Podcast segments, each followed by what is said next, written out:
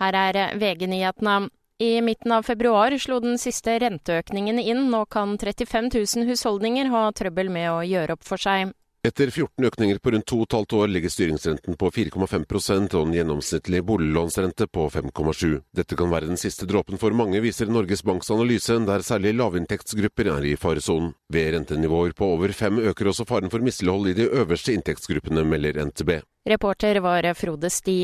Nettselskapet Elinett på Nordmøre frykter at noen har ødelagt høyspentlinjer i distriktet med vilje. Søndag ble selskapet kontaktet av en privatperson om et tre som lå mot høyspentlinjen. Dette var sagd ned med motorsag, skriver Romsdals Budstikke.